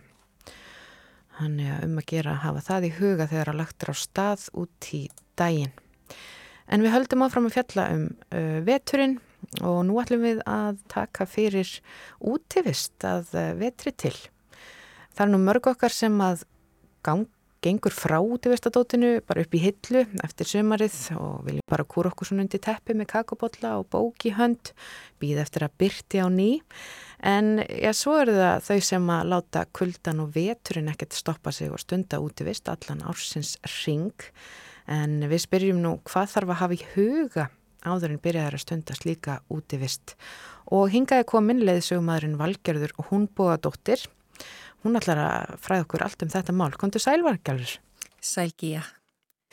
Jæja, uh, fyrst svona, er útivistar áhugi landsmanna, er hann að aukast? Myndur þú tellja það? Svona að vetri til? Ég, ég er ekki með e- eitt rétt svar við þessari spurningu en ég held að útivistar áhugi landsmanna sé að þróast og, og breytast. Mér finnst þess að útivistar áhugi landsmanna hafa verið að aukast bara jáft og þétt síðan um, um síðustu aldamót en mér finnst þess að hún sé að breytast og þróast og fólk sé að taka upp ný og ný útvistar áhuga mál. Mm -hmm. Og já, það eru þeir sem að alast svolítið upp í útivist, sem sagt þeir eru vanir því að fara út í hvaða veðurum sem er en svo eru þeir sem kannski vilja já, þróast og, og breytast og, og taka upp þessi nýju áhugamáli og þú segir. Hvaða leiðir eru fyrir fólk sem að svona, ég kann þetta ekki alveg, er best að fara á námskeið eða veist, fara í björgunasveitir, hvaða leiðir er, er, er svona helst hægt að fara? Já, björgunasveitin er mjög góðu kostur en það er ansið mikil skuldbinding ef maður er að, að byrja stund á útivist en það eru ímis námskeið í bóði bæði stittri og lengri og svo er líka bara hægt að prófa sér svolítið áfram og, og, og reyka sér á og, og reyna að hafa samband við vini og ættinga sem vilja byrja stunda útvist að vetarlægi fyrir nokkrum árum þá höfðu við frængunar samband hver við aðra og ákveðum að stopna svona frængugunguhóp og hittast annars lægið og mm. fara í gungutúra á vetunar. Þannig að það er ótrúlega margt í bóði en það er, það er varasamt að stunda út í vista vetarlægi þannig ég mæli með því að fara á námskeið og það er ótrúlega margt í bóði og námskeiðin eru byggð upp eftir getuð til dæmis ef, ef maður skráð sér á vetrafjallgöngur námskeið hjá ferðarfélag Íslands til dæmis, það eru margir sem er að bjóða upp á slikt námskeið, þá er byrjað á því að fara í fjallgöngur með höfuljós og með svona brot, keðjubrotta sem að hafa verið rángnemdir esjubrotar og síðar Já. er hægt að skráða sér á námskeið það sem að byrjaði að fara í göngur á svona alvöru jöklabrottum og með íseksi þar sem að framfeg kennsla í ísaksabremsu og svo framvegis. Akkurat. Um, og svo er það, já þú ert í þarna í frængu hópi uh, og svo veit ég að þú ert í svona hópi sem að hefur tjaldað aðvetri til uh, og gerir það mánaðlega. Hvað hva segðu mér aðeins frá þessu nánar og, og hvað hafið þið verið lengi uh, að gera þetta? Já þetta byrjiði ansi hægt og, og rólega. Um, ég, ég frytti til Noregs þegar ég var bara þegar olst þar upp að hluta til og svo flítið þánga aftur 25 ára og skamdiðist þunglindið kom svolítið aftan að mér í Noregi. Og ég mann þegar prófessorum minn frá Argentínu sagði yfir bekkin að því við vorum þannig 20 nefndur sem hefur verið valið inn í mistarnámi þjóðurétti allstaraða úr heiminum. Og hún segir yfir bekkin passi ykkur á skamdeistunglinu, það mun koma, trúðu mér, ég er frá Argentínu, en gerið eins og normendinni gera, farið á skýði, takið með ykkur sukulæði og farið í, í göngu í skóginum. Og háskólinni Oslo var svona fyrirkomulega það sem að alþjóðlega nefndur gáttu komið í svona ákvæmna afgreyslu og fengið lánuð gönguskýði og þetta var Já, engin keppni. Mér finnst hérna, nú stundar ég gunguskýð og, og ég margótt verið spurt hvort ég ætla ekki að skrá mig hinn og þessa keppni en ég fyrir ekki neina keppnir. En hugsunin er sem sagt svo að við förum í stuttargöngur eftir vinn, yfirlegt eftir vinnur á förstu degi með tjaldið okkar stundum er þetta 500 metrar, stundum er þetta 2 kilometrar stundum er þetta upp á einhverju fjalli og tjöldum saman og eigum notala stund saman Og þetta erum við búin að gera núna mánalega í um tvö ár. Það er svolítið mismundi hverjar eru búin að ná tveimur árum og hverjar eru um það bíla að fara að ná tveimur árum. En við erum líka allar búin að fara í, við erum búin að fara á Kanadasnjú, Grútvalstinda og, og svo framvegs, en þetta er svona öræfintinn okkar. Já. Og þetta hjálpar mér í raunin að komast í, í gegnum skamdegið án þess að finna fyrir miklu skamdegis þunglindi. Uh, og við njótum þess að vera saman í skamdeginu og við vorum í rauninu með böggum hildar þegar snjórin hvar bara, oh, nú getum við ekki lengur tjaldið á snjó og hún svona reyna að keppast við að ná síðustu snjóútilegun í, í vor Já. Er betra að tjalda í snjó eða er það svona einangrandi eða hvernig hefur snjórin áhrif? Sko það er auðvöldar að gera sléttari tjaldstað á snjó heldur en ekki en hann er ekkit einangrandi, hann er mjög, mjög kaldur hann er mjög kaldur En hvernig hérna talandi um eh, búnað og slíkt, hvað er svona nöðsynlegast? Maður gerir áfyrir að kannski sveppókin sé ansi mikilvægur en, en það er kannski, uh, já, hvað myndir þú segja sé nöðsynlegast í útbúnaðurinn fyrir að tjalda vetri til, fyrir nú auðvitað þetta tjaldið?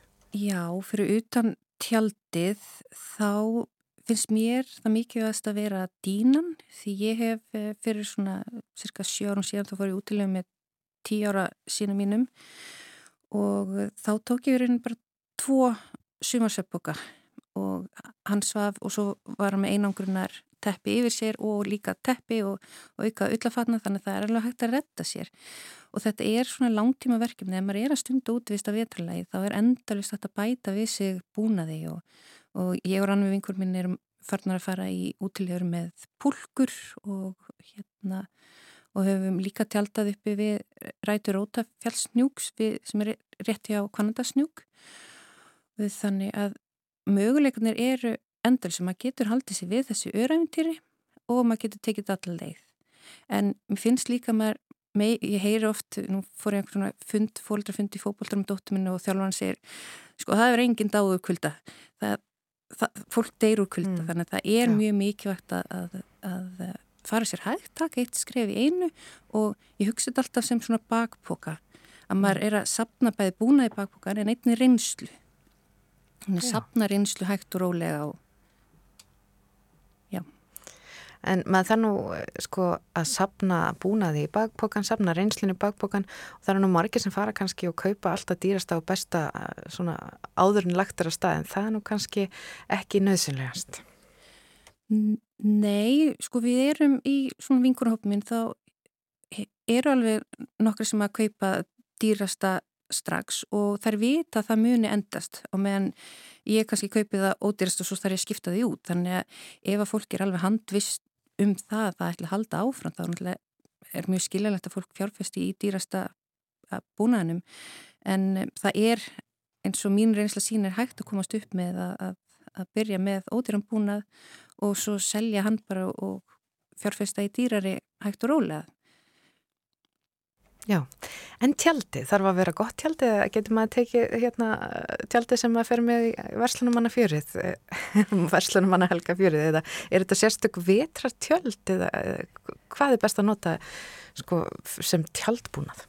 Það þurfa ekki að vera sérstök vetartjöld. Ég var einmitt núna að ljúka námskið eða verkefni hjá Ferrafélag Ísland sem heitir Fími allt á bakinu haust þar sem við vorum að ganga inn í haustið og tjalda í september og í oktober og þáttakandi voru með alls konar tjöld við voru kannski ekki með veslunumanna helgar tjaldið en, en það var hægt að komast upp með tjöld sem er ekki skilgrind sem gungutjöld eða sem skilgrind sem vetratjöld mm -hmm.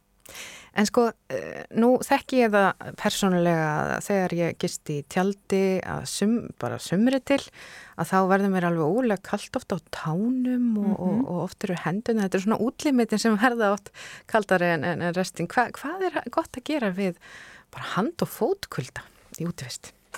Já, ég byrði mitt í ammali í oktober fyrir um, tveimur árum um, þá fórum við út til leifamali, ég og vinkunnar og mér var einmitt kallt á tónum og á leiðinni heim þá stoppuðu við í útvistaveslun og rann við vinkunum við keift handa mér flösku Nalgen, ég sé alltaf Nalgen og hún leiðir eftir með allt að segja þetta, þetta er Nalgene flöskur, þetta er þess að einslíters vassflöskur sem þóla 100 gráðu vatn þannig að við sjóðum vatn og setjum honi þessa líters vassbrúsa lokum við vel og setjum það í söppókan áður en við leggjast í söppókan þannig að söppókin er orðin heitur.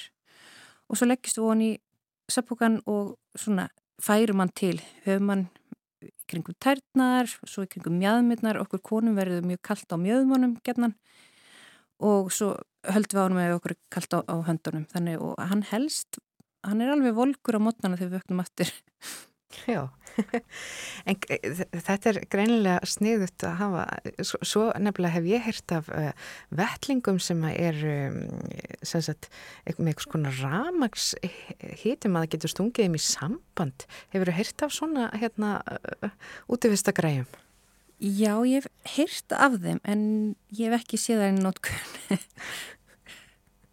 þetta hljómar, hljómar svolítið svona sniðulega og þetta er svona hérna fyrir algjör á tækni tækni, uh, tækni fólkið, þá getur þetta verið leið. En, en þú ert mikil útífistar kona og, og, og ert að kenna fólki að, að svona þeirra leið inn í að stunda útífist og þú talar þannig um námskeið með allt á bakinu, segð mér aðeins frá því. Já, hugsunin er svo að byrja að ganga á vetunar eða mjög snem á vorin og ganga alveg út í haustið til þess að halda bakbúkaþólinu við því að það sem ég hef upplifað sjálf er að byrja að, að ganga á sumrin og þá er ég bara einfallega ekki í nógu góðu gönguformi, ég er kannski í góðu formi, búin að vera í ræktinni, búin að vera á skýðum en ég er ekki í góðu gönguformi og ekki í góðu formi til þess að bera bakboka eða ganga mjög lengi. Þannig hugsunin er svo að lengja þetta ár þannig að við þurfum ekki að koma okkur í, í form eða upplifa það að vera alveg að bugast í göngun á sumrin. Og þá erum við einna að læra á búnaðinn því að getur, ég hef alveg upplifað það að vera á tjálstaði í, í, í hlöðuvík og þurfa að retta öðru fólki með gas vegna þess að prímjum sem þeirra klikkaði. Þannig að gengur þetta að prófa sér áfram og, og læra á búnaðinn líka. Já. Eh, nú er helgin framöndan, ertu að fara í útilegu eða hva, hver eru svona ævintýri helgarinnar? Helgin er svolítið opinn bók bara. Nú er ég búin að vera með skiplaðar göngur með öðru fólki síðan í, í mars og eh, verkefni mínu var að ljúka núna í síðustu viku og svo byrja næstu verkefni bara í mars aftur. Þannig að núna ætlum ég svolítið að njóta þess að þurfu ekki að skipla ekki heldur geta stokkið til. Já og eins og sagðir áðan uh, já, reynslaðin frá Noregi að, að þú mæli með því að fólk njóti útivistar það þarf ekki að vera flókið, bara göngutúr með súkulaði og að setjast út í, í vetra sólina Já, eða, eða vetra myrkrið og, og kaupa höfuljós og þetta er einmitt, dóttir mér var að spyrja hvort þú myndi ekki fá vetrakjöf því að það veri fyrsti vetradagurinn á lögadaginn og þá finnst mér bara kjörið að fóreldra sem er að leita hugmyndum að, að nýri venni að Já. kaupa höfuljós fyrir börnin og fara í svona höfuljósa göngur því að fólk það líka vennjast í að fara í göngur með höfuljós. Það bara byrja að snemma. Þetta er uh, góðu punktur út í helgina og það er einmitt fyrstu vitratagur á morgun. Takk fyrir komuna hingað í morgunvaktina Valgerður Húnbúðadóttir, leðsögumadur og ég gangiði vel í öllum þínum vetrarferðum og útilegum. Takk sem leiðist. Það verður vetraútilega á Akureyri millir jól og nýjás með stelpunum sem er að stundu þetta fyrir norðan þannig ég vona ég fáði með ekki, já. Já, það er nú bara ágætis hugmynd. Takk fyrir áskorunina. en við skulum heyra hér í Billy Holiday, Easy Living.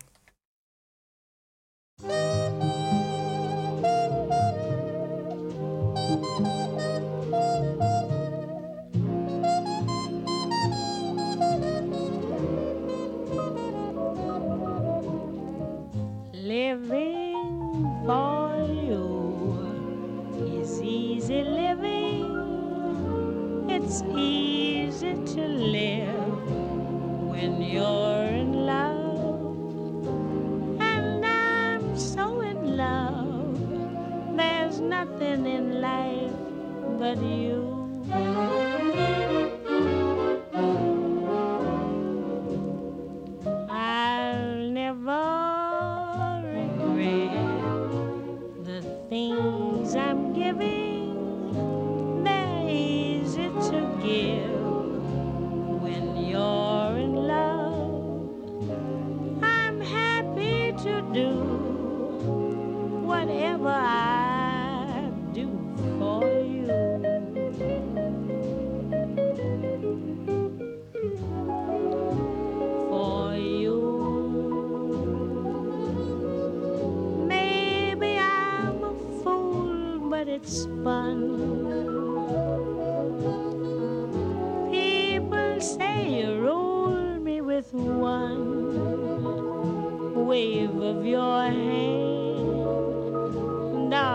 It's grand.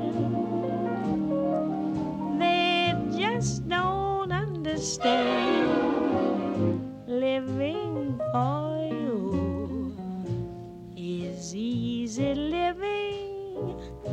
It's easy to live when you're in love. And I'm so in love. There's nothing in life